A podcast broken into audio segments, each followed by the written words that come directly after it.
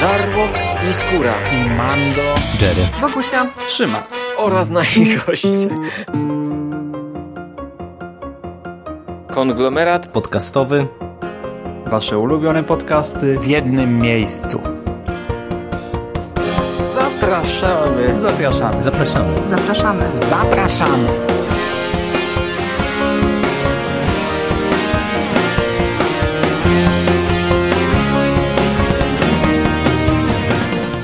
Witam Was, kochani, w kolejnym odcinku podcastu Konglomerat oraz e, w 34 już odcinku z cyklu Moje seriale.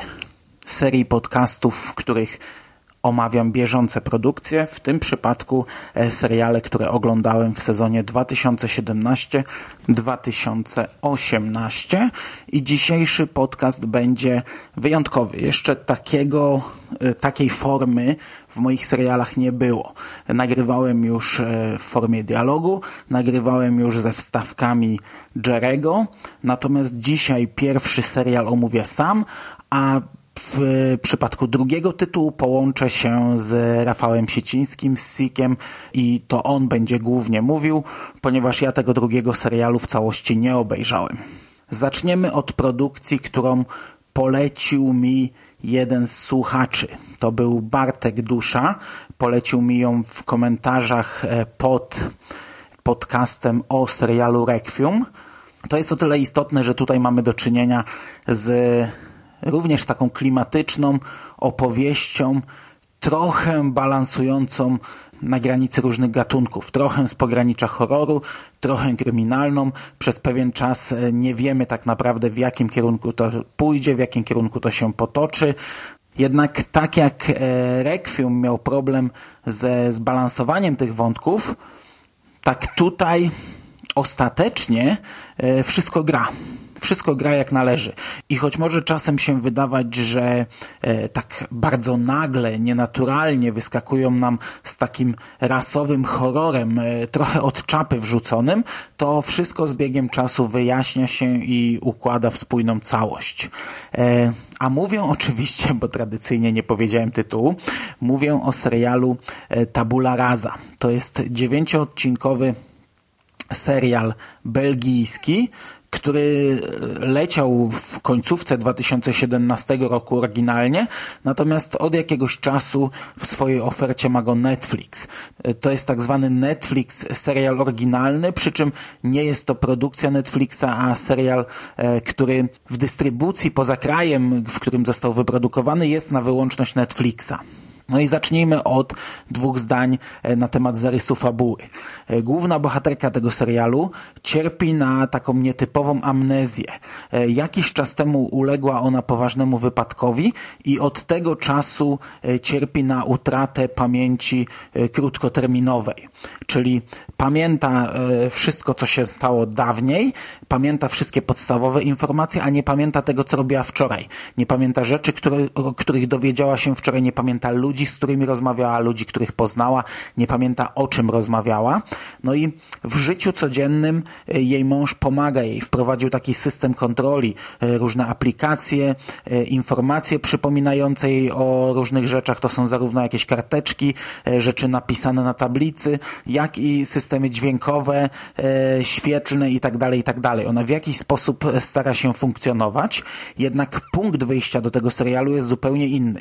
My poznajemy tę bohaterkę bohaterkę e, w szpitalu psychiatrycznym. Znaleziono ją dzień wcześniej zakrwawioną w lesie i okazuje się, że jest ona świadkiem albo sprawcą e, zaginięcia pewnego mężczyzny. E, to jest w sumie dość ciekawy punkt wyjścia, że osoba, która jako ostatnia widziała tego mężczyznę, cierpi na taką chorobę i nie pamięta nawet, że zna tego mężczyznę.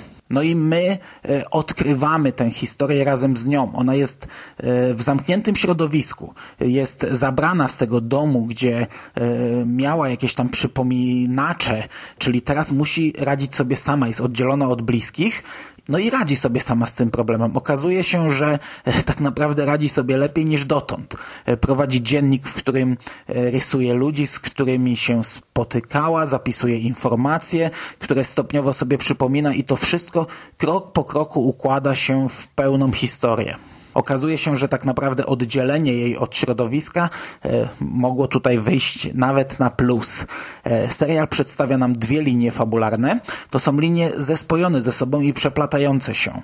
E, teraźniejszość w szpitalu i przeszłość, począwszy od czterech miesięcy wstecz, aż po dzień zaginięcia całość jest oparta na bardzo mocnych twistach i bardzo mocnych cliffhangerach. I to, jak twórcy sprytnie i zgrabnie prowadzą widza na smyczy, to jest e, fantastyczne. No bo całość wydarzeń przetworzona jest trochę przez filtr wspomnień głównej bohaterki. My widzimy wydarzenia jej oczami i rozumiemy je tak, jak ona je w tej chwili i w danym momencie rozumiała.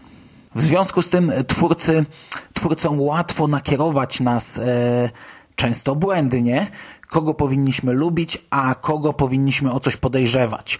I ja przyznam, że bardzo długo dałem się wodzić za nos, e, łapiąc się przynajmniej na kilka twistów, a przynajmniej raz e, w środkowej części serialu, gdy zaserwowano nam taki największy zwrot e, akcji, to przyznaję się bez bicia, że autentycznie zbierałem szczękę z podłogi i po krótkim zastanowieniu się nie mogłem zrozumieć, czemu wcześniej o tym nie pomyślałem, czemu wcześniej na to nie wpadłem.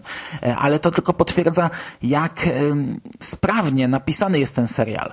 E, w taki sposób, że potrafi zaskoczyć motywami, które wcale nie są jakąś nowością na ekranie, które widzieliśmy już nie raz, które są znane, które są dość schematyczne i na które daliśmy się nabrać już kilka razy w przeszłości. To nie jest nic nowego, to nie jest nic odkrywczego, to, to, to, to jest zbiór wielu schematów, które już widzieliśmy, ale podany w taki sposób, że my śledzimy wydarzenia, dajemy się prowadzić jak po sznurku i nabieramy się na nie. No przynajmniej ja tak miałem. E, co jest dość istotne, to fakt, że tutaj wszystko zostaje wyjaśnione. E, w przypadku Requiem, o którym wspomniałem na początku, narzekałem trochę na zbytną dosłowność e, końcówki. Na takie, taką końcówkę, która nie pozostawiała żadnych wątpliwości, z czym mamy do czynienia. W Tabula Rasa też mamy coś podobnego, chociaż tak naprawdę z zupełnie innego worka. Tak jak w Requiem to był wątek horrorowy, e, tak tutaj to jest zamknięcie dosłownie wszystkich spraw, nie pozostawiające absolutnie niczego w domyśle. E, w końcówce w pierwszej chwili e, niektóre rzeczy mogą się wydać trochę przekombinowane, trochę przesadzone, trochę niepotrzebne. E, już wcześniej kilka twistów jest nieco zbyt mocno zbliżonych do zagrań w stylu oper mydlanych, ale ostatecznie ja to wszystko oceniam pozytywnie, ja to wszystko kupuję. To jest po prostu taki serial, który od początku do końca jest zaplanowany, który jest pisany pod konkretne rozwiązania w końcówce, który jest celowo tak tworzony, żeby gdzieś tam e, szczegóły w tle mówiły nam prawdę, a to, co widzimy na, na ekranie, niekoniecznie prowadziło nas w dobrym kierunku, a ostatecznie, żeby nam to wszystko wyłożyć, pokazać, zamknąć. Ten serial celowo naprowadza widza na inne tropy, jednocześnie dając naprawdę masę sugestii, jak jest naprawdę. A im bliżej końca, tym więcej rzeczy się wyjaśnia. I, i, I pewnie jeśli oglądalibyśmy to uważnie, jakoś tam wszystko analizowali, no to na koniec pokręcimy tylko z politowaniem głową i, i powiemy, że no, no, no, no tak, tak myśleliśmy, no przecież to jest oczywiste. Y, ja, tak jak już powiedziałem, dałem się trochę prowadzić twórcom i w większości byłem mocno zaskoczony. Y, dopiero w końcówce zacząłem trochę kombinować i stwierdziłem, że skoro kilka razy dałem się mylnie naprowadzić no to teraz pomyślę trochę o innych rozwiązaniach. No, no i, i znów nie trafiłem, bo akurat w końcówce twórcy poszli prostą drogą, tą najbardziej oczywistą drogą, choć motywacje postaci e, okrytej największą tajemnicą były dla mnie zaskoczeniem. Ogólnie trzeba się nastawić, że jak już dochodzimy do konkretnego twistu, to wtedy twórcy naprawdę łopatologicznie zaczynają nam wszystko wykładać, tłumacząc każdy element, przypominając każdą wcześniejszą zmyłkę. To się może trochę nie podobać, e, ale ja bawiłem się świetnie. I, i w ogóle z przyjemnością powtórzyłbym ten seans, by pobawić się w wyłapywanie tych tropów i tych wszystkich zmyłek. Ogólnie ja jestem naprawdę bardzo zadowolony. E, bardzo przyjemnie oglądało mi się serial Tabula Rasa i cieszę się, że to zrobiłem. Bawiłem się doskonale i wielokrotnie dałem się zaskoczyć. I to by było ode mnie wszystko na temat pierwszej produkcji. Teraz, tak jak powiedziałem, połączymy się z Sikiem. Ja spróbuję zadzwonić do Sika i porozmawiamy o zupełnie, zupełnie innym serialu.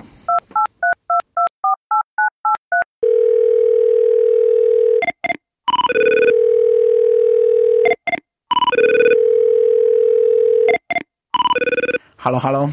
Halo. Cześć, Sik, jesteś? Cześć, dzień dobry, dobry wieczór wszystkim słuchaczom. No cześć. I teraz porozmawiamy sobie o e, serialu oryginalnym, takim oryginalnym, oryginalnym produkcji od Netflixa, e, głośnej produkcji e, zapowiadanej e, z większą pompą, e, produkcji z tego roku, czyli Lost in Space. Dokładnie. Premiera na Netflixie światowa 13 kwietnia, więc względnie świeża rzecz. I jest to drugi remake serialu, klasycznego serialu za 60. Mm, po takim samym tytule. Ja nie pamiętam, czy ten serial kiedykolwiek leciał w polskiej telewizji, ja się z nim nigdy nie zapoznałem. Natomiast yy, tam akcja jest osadzona w 1997 roku. Dla ludzi z lat 60. to już była tak daleka przyszłość, że postanowili e, te podróże planetarne mm, właśnie umiejscowić w 1997 roku. Natomiast w przypadku produkcji Netflixa, no to mamy XXI wiek, a ta technologia, którą dysponują Ziemianie, ludzie, e, no już jest taka dosyć mocno zaawansowana. Mm, statki kosmiczne e, pozwalają na podróże międzygwiezdne. Mm, pierwszy remake y, był w latach 90. i to był dosyć głośny film z Williamem Hartem, z Matthew LeBlanciem i z Gary Oldmanem. Tam też występowała Mimi Rogers, żona, druga żona, czy tam pierwsza żona Toma Cruza i Heather Graham, młodziutka. I to tak jak w, każdej, w każdym z tych seriali, w tym filmie, głównym bohaterem jest rodzina Robinsonów czyli e, głowa rodziny mm, John Robinson, żona pani dr Robinson oraz trójka dzieci Willie Robinson, Judy i akurat w przypadku serialu Netflixa Penny. Mm, no i jest oczywiście y, do tego pilot Don West, oraz y, czarny charakter, który zawsze jest doktorem Smithem nazywany. Akurat w przypadku jedynym, jeżeli chodzi o te trzy, trzy produkcje, to w Zagubiony w kosmosie od Netflixa Dr. Harris jest grana przez y, kobietę, mm, znaczy z kobietą, tak? Parker Posey y, gra panią Dr. Harris i ty obejrzałeś jeden odcinek. Jakie miałeś wrażenia po tym jednym odcinku? Bardzo nijakie, ale ja tego serialu w ogóle nie planowałem oglądać, bo wydaje mi się, że to nie jest serial dla mnie. Wydaje mi się, że nie ja jestem targetem tego serialu i po pierwszym odcinku to się tylko potwierdziło. E, na mnie zrobił zerowe wrażenie ten pierwszy odcinek. Obejrzałem go tylko dlatego, bo wiedziałem, że e, oglądałeś, wiedziałem, że będziesz chciał coś tam powiedzieć od siebie, kilka zdań w e, moich serialach, no to stwierdziłem, że obejrzę chociaż ten pierwszy, żeby, żeby sprawdzić z czym tutaj mamy do czynienia i no i nie, no nie, nie mam ochoty oglądać dalej. Gdyby, gdyby nie to, że, że tutaj chciałem z tobą chwilę pogadać, to tego pierwszego nawet bym nie kończył, bo nie, no to, mhm. to nie jest serial dla mnie. Absolutnie nie podobało mi się. No ja liczyłem po cichu, że jak zobaczysz, że tam gra Toby Stevens, to jednak dasz szansę, ale ty nawet aktora nie poznałeś. przed nagraniem się śmialiśmy z tego rzecz, która nie została nagrana, bo faktycznie e, przez cały odcinek chodziło mi po głowie, że skądś znam twarz, a nie mogłem skojarzyć skąd. Y, no, taki, Johna, taki Johna Robinsona gra Toby Stevens, którego Mando zna z serialu, którego lubi, czyli z Piratów i Stevens gra tam kapitana Flinta. E, partneruje mu Molly Parker, e, bardzo fajna, bardzo charyzmatyczna aktorka z ciekawą urodą. Tutaj gra właściwie głowę rodziny, bo tak powiedziałem, że głową rodziny jest e, John. Natomiast tak naprawdę John to, jest, to są mięśnie tej drużyny, to jest kręgosłup tej drużyny. Natomiast najbardziej inteligentną, najbardziej mądrą osobą jest pani doktor czy pani profesor Maureen Robinson. I fabuła jest taka, że y, koloniści lecący kolonizować jakąś planetę rozbijają się na, na zupełnie przypadkowe. Zostali zaatakowani przez jakąś inną formę życia. Kapsuły ratunkowe z, z tego głównego statku się odłączają. Te, te kapsuły są jednocześnie takimi pojedynczymi pojazdami kosmicznymi, które mogą same się wynieść yy, ponad atmosferę planety. I oglądamy przez cały serial perypetie kolonizatorów. I to tak jak ich nazwisko sugeruje, że to są Robinsonowie, także mm, nawiązania do książki Przygody Robinsona Crusoe są dosyć yy, oczywiste. Tutaj mamy postawione na survival, na radzenie sobie bohaterów w ciężkich warunkach, znajdywanie jakichś rozwiązań, ale jest to produkcja skierowana do niehardkorowego e, fana science fiction, niehardkorowego oglądacza seriali, jeżeli można tak powiedzieć. Jest to produkcja raczej nastawiona na target familijny i młodszego odbiorcę. No właśnie chyba mi to trochę przeszkadzało, ale też nie wiem czemu, no bo widzisz, ja powiedziałem, że nie jestem targetem, a tak naprawdę powinienem być szablonowym targetem, bo ja bardzo lubię y, historię w stylu Robinsona. Robinson Crusoe to jest chyba jedyna lektura z podstawówki, którą przeczytałem więcej niż jeden raz. E, przecież e, czytałem większość książek Juliusza Werna, które są w tym stylu właśnie. E, lubię science fiction, więc i, i lubię młodzieżówki, mhm. więc połączenie trzech rzeczy w tym serialu, a mimo wszystko no ten pierwszy odcinek w ogóle u mnie nie zaskoczył. No jakieś takie, nie wiem, no może mnie przekonasz, może mi tutaj powiesz, że dalej jest inaczej. Jeśli jest tak samo jak w pierwszym odcinku, to, to, to tak nie bardzo, jakoś nie dla mnie. To jest 10 odcinków, w których jedną z wielu wad, bo ten serial ma wady, jest yy, źle rozłożone tempo. I to jest. Yy, można powiedzieć, że w, w jakiejś takim budowie Mm, można mówić, to jest ciągłość fabularna, bo on się dzieje e, bez jakichś większych przeskoków e, czasowych i każdy odcinek jest ze sobą połączony. To jest jedna historia. Oni lądują na planecie i dowiadują się, że muszą z tej planety bardzo szybko uciekać i te 10 odcinków rzeczywiście oni cały czas próbują z tej planety uciec. Natomiast e, w każdym odcinku są postawieni przed jakimś problemem, a to, że jakaś istota która zamieszkuje tą planetę, karmi się składnikiem, z którego składa się ich paliwo, a to mają, ich, ich obóz jest zaatakowany, a to lecą gdzieś do jakiegoś y, innego pojazdu, żeby to paliwo, które tam zostało, y, wyciągnąć cysternami. Także y, mamy powiedzmy ciągłość, ale za, jest i tak sprawa odcinka. No i moim zdaniem tutaj tempo siada, tutaj jest trochę tak ślamazarnie. Szczególnie, że mm, jeżeli, jeżeli nie pomogłem, nie, nie pomogłem. Znaczy pomogłeś, no pomogłeś, no nie sięgnę Szczególnie, że duża część y, czasu ekranowego jest poświęcona młodym aktorom, Willowi, Judy i Penny i to jest moim zdaniem mm, drugi duży minus, że jednak siadając do, do serialu ja bym chciał, żeby y, bohaterowie, z którymi mogę się jakieś utożsamiać w jakiśkolwiek sposób, byli w podobnym wieku, w podobnej sytuacji jak ja, a nawet jeżeli nie byliby w podobnym wieku, w podobnej sytuacji jak ja, to żeby byli dorośli i mieli dojrzałe problemy. Natomiast tutaj mamy mm, dzieciaki, tutaj mamy też y, jakąś taką, jakiś taki wątek lekko miłosny. Bardzo często jest podkreślana ta naiwność tych bohaterów y, i ich łatwowierność. Także y, tutaj jest kolejna, moim zdaniem, taka, taka wada spora. Natomiast y, bardzo jeszcze mi przeszkadzał główny czarny charakter, czyli pani doktor Smith która jest. jest takim kombinatorem, manipulantem, ale przesadzili tutaj. To jest y, przeszarżowana postać, której powiem szczerze, nie chciało mi się oglądać. Ona im, im dalej w y, las, tym ona ma więcej czasu antenowego. Jednakże ja serial mimo wszystko jestem w stanie polecić, bo jest to bardzo dobrze zrealizowane science fiction, które ma fantastyczne efekty specjalne i jest mm, czymś, co można na przykład, ja sobie tak y, lubię wybierać i to wielokrotnie podkreślam na niedzielę, takie lżejsze produkcje. Gdzieś tam zakorzenione mam to niedzielne oglądanie y, takich rzeczy familijnych z mniejszą natężeniem akcji i ten serial się idealnie wpasował. Poza tym mm, tak jak wspominałem, i Molly Parker, i Toby Stevens są fajną parą. Tam może między bohaterami nie ma chemii, bo scenariusz wymaga, natomiast fajnie współgrają ze sobą. Bardzo przyjemny Don West, gra go jakiś latynoski aktor teraz, nie pamiętam nazwiska, ale bardzo fajna, sympatyczna postać z dobrymi napisanymi dialogami i monologami. Tutaj jestem bardzo pozytywnie nastawiony do, do reszty części obsady.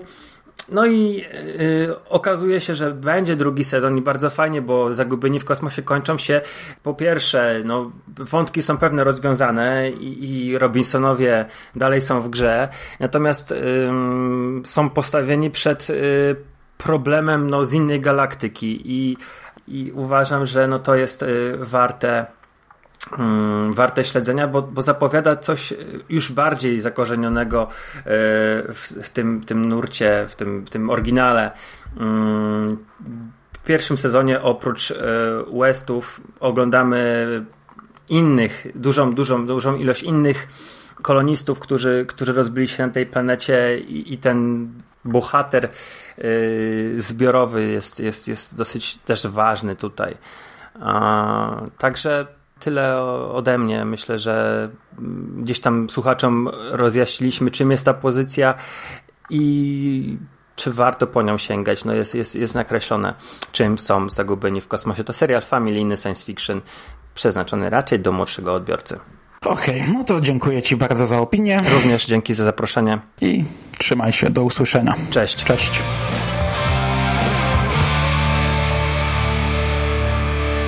You finished? We gonna do now? What are we gonna do? It's over. Nothing is over! Nothing! You just don't turn it off!